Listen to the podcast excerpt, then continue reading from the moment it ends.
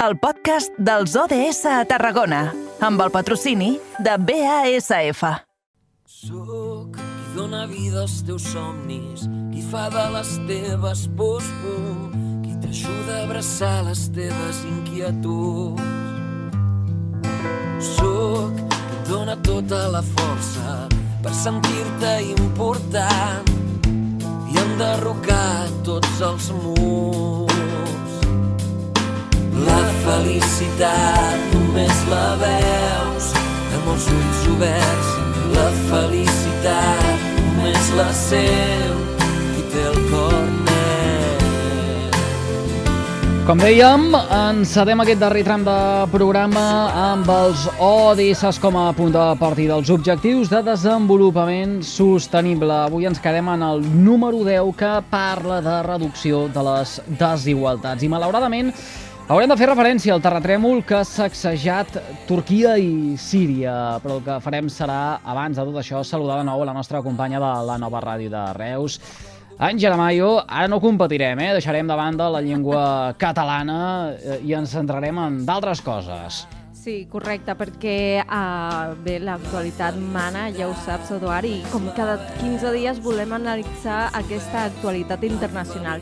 I per això uh, rebem ara el Gonçal Barrios, ell és membre impulsor de la coordinadora d'ONGs de Tarragona. Bona tarda, Gonçal. Bones tardes a tothom. Gonçal, justament ahir eh, es declarava la finalització del rescat. Què vol dir i què suposa aquesta finalització de fase? Bé, eh, a veure, es calcula actualment uh. -huh. que hi ha uns 46.000 morts amb aquest terratrèmol, tant a la zona de Turquia com a la zona de Síria, limítrofes les dues, que és molt la zona kurda, però es calcula que hi ha uns 26 milions de persones que necessiten ajut humanitari en aquest terratrèmol. És dir, solament és la gent que mora quasi immediatament els dies posteriors, sinó tota la penúria que queda posteriorment. Eh? Uh -huh. La major part d'aquests morts es produeixen al principi, no? Eh, En les 6-12 hores. Després queda molta gent enterrada, que depèn de les condicions, doncs, del tipus de construccions que hi ha, si són més massificades, de més alçada, és pitjor, tots aquests blocs immensos que cauen, clar, agafen quantitat de gent dins que quasi que és impossible d'arribar perquè la massa de, de, de ciment que tenen damunt és molt difícil de treballar.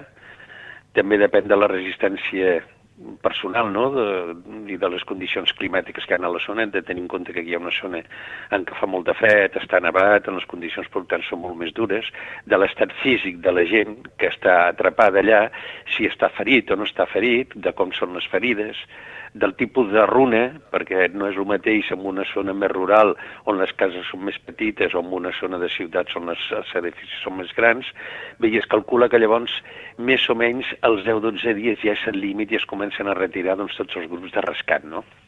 Llavors, uh -huh. ajustar un anàlisi dels danys i les condicions i les necessitats és la cosa més difícil al principi, és el que hi ha especialistes i és el millor, perquè llavors eh, per eficàcia i per el número de recursos que s'utilitzen i l'eficàcia en salvar les vides, doncs aquests anàlisis són mm, estructurals, són bàsics, no? perquè clar, en una zona aquesta se necessita doncs, molta maquinària pesada, ja ho hem vist, no? que segons l'orografia del terreny o, o inclús les vies de, de, de, de desplaçament que hi ha, carreteres, etc, si poden passar, si no poden passar, si poden arribar, i poden arribar més ràpidament o més lentament. Després el material mm. absolutament necessari i urgent, que són mantes, i més en una zona tan freda com aquesta, la necessitat de portar aigua potable amb plantes de potabilització d'aigües, el menjar, refugis per la gent, el tema sanitari, aportar inclús, jo que sé, hasta quiròfans, no? I després molt important és el personal de rescat, no? Aquest sí que és molt important perquè té que ser gent molt preparada, que tingui molta experiència, tingui bombers, gent de protecció civil, que vagin amb gossos preparats, sanitaris especialitzats per a aquest tipus, pensa que es tenen que fer imputacions i moltes Sí, coses, i per tant... uh, um, sí, Gonçal, uh, Gonçal Sí. en, relació a això que, uh, en relació a això que ara mateix estàs apuntant, uh, la setmana passada entrevistàvem Mm. aquí al programa el president de uh, l'ONG canina de rescat i salvament K9 amb seu a Creixell i i, i precisament ens explicava el que havia viscut eh, ell personalment i un altre company seu amb els gossos que eh, van eh, ser a Turquia per participar d'aquestes tasques de rescat, ens explicava tot el que havia vist, però també sorpresa ens deia que eh, Erdogan eh, havia fet entrar les màquines pesants sobre el terreny i que, per tant, quan entraven màquines pesants s'acabava també la seva tasca de, de rescat. Vull dir que eh, és, és també sorprenent l'ajuda que vol rebre, eh, o en aquest cas, doncs, eh, un eh, règim que de, de seguida també pren decisions que de vegades poden semblar contradictòries. Bueno, sembla contradictori eh, tot això, no? però tens que jugar amb una quantitat de dades i de possibilitats increïbles. Has de tenir en compte que l'entrada de les maquinàries pesades, que moltes vegades no poden arribar, en aquest cas han pogut arribar en alguns llocs, és bàsic perquè estàs parlant d'edificis de ciment però tot això se n'ha de saber moltíssim, perquè tu mous un bloc però se pot desprendre l'altre cap baix. I, bueno, és, la cosa és molt complicada, no? És, és detectar també on estan les persones per ultrasons, ho fan ja de molts sistemes, no? Els gossos també són molt importants i depèn de com moguin les coses, quasi que els pots tornar a aplastar o no, vull dir, és un tema molt complicat. Però el que és cert és que necessites maquinària. Amb les mans i els dits, amb una zona que hi ha eh, enfonsament d'edificis amb molt de, de, de, de ciment i, i molt pesat, no pots treballar. Pots treballar treballar en una zona rural on les cases són doncs, d'una doncs, planta i que són totxos i, i, que, i que bé, pots anar treballant i anar, anar desescombrant, no? Però després tu on hi ha molt de ciment necessites maquinària pesada, no? I no és una cosa contradictòria ni l'altra, és dir, perquè arriben aquesta maquinària pesada, en uns llocs no vol dir que no puguin actuar els bombers els gossos, vull dir, tot és necessari perquè t'estàs trobant en una situació tan greu i tan brutal com aquesta, en totes les possibilitats, no? En tota la gamma de possibilitats. Per tant, no sobra ningú, aquesta és la veritat. Uh -huh. I uh, a hores d'ara, amb tot el que hem anat veient, uh, quin, quin sector de la població és el que queda més vulnerable davant d'una crisi humanitària com la que s'està vivint en aquests moments? Sempre és la gent més pobra, sempre. En totes les desgràcies, la gent que té més desgràcia, la gent més pobra, els barris doncs, amb més mancances i més poblats, no? que tenen més recursos, que les construccions són pitjors i més massificades són els que arriben més. I després també les possibilitats de que les famílies te puguin ajudar. És, la gent més pobra és la que pateix moltíssim eh, més tenint en compte eh, la situació d'aquestes zones que són molt rurals i que, clar, perquè un se pensa que, que les zones d'aquestes ciutats són, doncs, jo que sé, com la ciutat de Tarragona de Reus, no és veritat hi ha molts barris empobrits i clar, les situacions són molt difícils, són zones molt pobres i sempre passa el matí, sempre plou sobre mullat, no? I aquesta és una desgràcia increïble, no? La població més vulnerable sempre és la zona més pobra. Bueno, això ho hem vist no solament amb els terratrèmols, amb els huracans, no? Per exemple, vam treballar moltíssim amb l'huracan mig a l'any 98 i, i les zones més afectades eren gent més pobra, sempre, sempre passa el mateix. Uh -huh. Com sempre, igualment, uh, volem donar a conèixer les possibilitats que, que hi han uh, per ajudar des d'aquí, perquè la solidaritat arribi des del Camp de Tarragona mateix cap allà. Uh, Gonçal, com ho hem de fer si, si volem posar també el nostre granet de sorra? Sí, bueno, mira, per començar, tindria que dir que el, el, el ple de l'Ajuntament de Tarragona el divendres passat, eh, penso que era el dia 17, va aprovar un, un, una modificació de crèdit de 15.000 euros que s'aporta al Fons Català de Cooperació al Desenvolupament, que és una estructura que tenen molts ajuntaments catalans. Molts ajuntaments aquí pertanyen a aquest fons català. Que al recollir diners als ajuntaments per un tema d'emergència com aquesta és més fàcil poder-los ubicar, perquè, és clar, eh, no és una zona on tinguem una tradició de treball les ONGs ni de temes de cooperació com pot passar a Centroamèrica, Latinoamèrica o altres llocs, no? És una zona que hi ha poca cooperació, poca especialització de la, de la gent que treballa en la cooperació a aquesta zona de Turquia i de Síria, no? I per tant és molt més fàcil de vehicular aquests diners, aportar-los de forma massiva amb un puesto que estigui en contacte amb Creu Roja, amb, amb, amb l'ACNUR, etc etc. no? amb entitats moltíssim més fortes que algunes algunes d'elles no són, no són ONG, sinó que són eh, l'ACNUR, per exemple, UNICEF, tots això són agències de l'ONU, no? Però després també hi ha Metges Sense Fronteres que té molta capacitat de poder actuar d'una forma rapidíssima, no? I han capacitat de portar material, gent especialitzada com a metges, enfermeres, i de portar quiròfonos, etc. no? I després hi ha altres grups com Creu Roja, que té les seves contraparts allà també, Càritas, etc etc. Vull dir que és fàcil. És fàcil, vull mm. dir que hi ha possibilitats, no? Després també més aquest... urgent... Digue'm, digue'm. No, no, i anava a preguntar uh, sobre, sobre això que comentes, Gonçal, uh, si, si, si les administracions estan fent els deures en aquest sentit. Feia referència ara a l'Ajuntament de Tarragona, però ens consta que uh, són molts altres els consistoris que tenen també uh, unes partides pressupostades precisament destinades a això, eh? aquestes uh, uh, uh, ajudes o aquestes missions solidàries o, o, o humanitàries.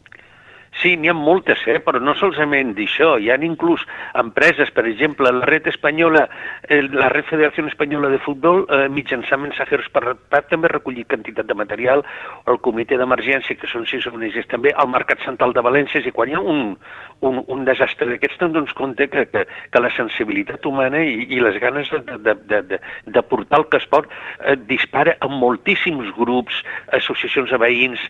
Bueno, és increïble, no?, la, la, la, diguem, el sentiment de solidaritat que desperta, no?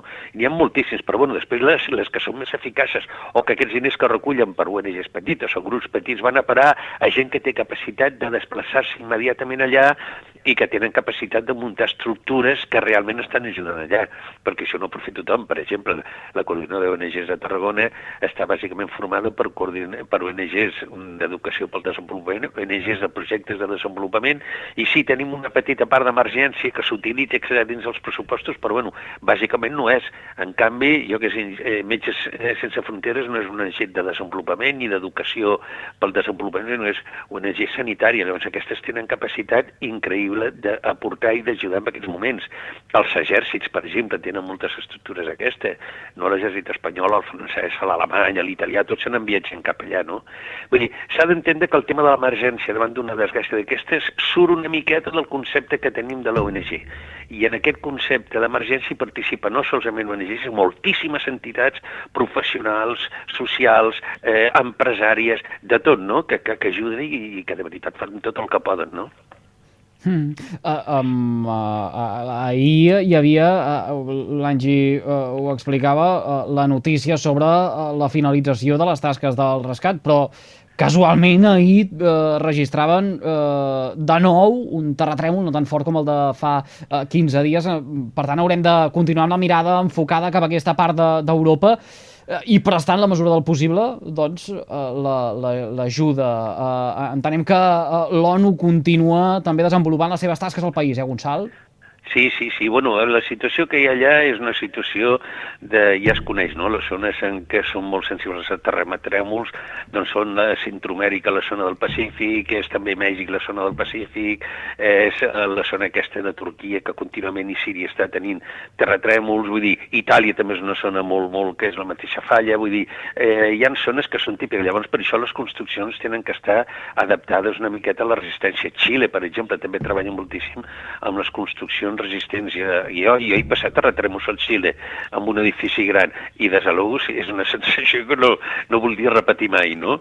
Però vull dir que sí, és veritat. Ara què ha passat allà? Doncs allà segurament ha passat en que, en que el terratrèmol feia potser uns anys que no havia sigut tan dur i tal, doncs bueno, se relaxen una miqueta, eh, diguem, les, les estructures dels edificis, ara es construeixen igual, després hi ha la corrupció típica, que penso que en aquests moments està sobre, eh, damunt de la taula a, a la zona de, de Turquia, perquè hi ha hagut moltíssima corrupció en aquest aspecte, i doncs, clar, posar fil a l'agulla en tot això costarà una miqueta. Però el que es mm. necessita a partir d'ara és el tema de, si no continuen terratrèmols tan devastadors com aquest, i aquest últim de fa dos dies, que no ha sigut tan devastat devastador com l'altre, però bueno, també ha tingut eh, causant morts, etc. Si això es calmés una miqueta, tot el tema de la reconstrucció, tot el tema dels ferits, eh, clar, teniu que tenir en compte que les conseqüències humanes i això són terribles. La gent es queda sense treball, es queda sense possibilitats de treball, o ha perdut tot, ha perdut la casa, ha perdut tot el que ha estat treballant tota la seva vida, es queda a zero, completament mm. a zero, esperant que algú l'ajudi, queden les tuberies, les, les, les alcantarilles, queden tot, tot queda destrossat. Vull dir, és una situació tremenda, eh? un terratrèmol d'aquest. Recuperar una zona aquesta tarda molts anys i la gent es queda molt penjada per de possibilitats de tirar endavant. Llavors, una cosa és l'ajut d'emergència immediat i l'altra pensar que s'ha d'ajudar amb el temps perquè quan surti dels focus mediàtics aquella mm. gent doncs, ja deixen d'arribar-li coses que a lo millor quan són més necessàries. No? Sí, sí. Gonçal, t'agraïm moltíssim que un cop més eh, eh, ens hagis despenjat el telèfon. Com sempre és un plaer poder eh, parlar amb tu, en aquest cas eh, eh, avui per eh, centrar el focus en aquest terratrèmol que fa tot just 15 dies ens deixava eh, tothom glaçats per les imatges que ens arribaven des de eh, Turquia i, i Síria. Que vagi molt bé, una abraçada. Moltes gràcies a vosaltres. I gràcies també a Angie Aramayo. Que vagi molt bé. A reveure. Fins demà. Fins demà.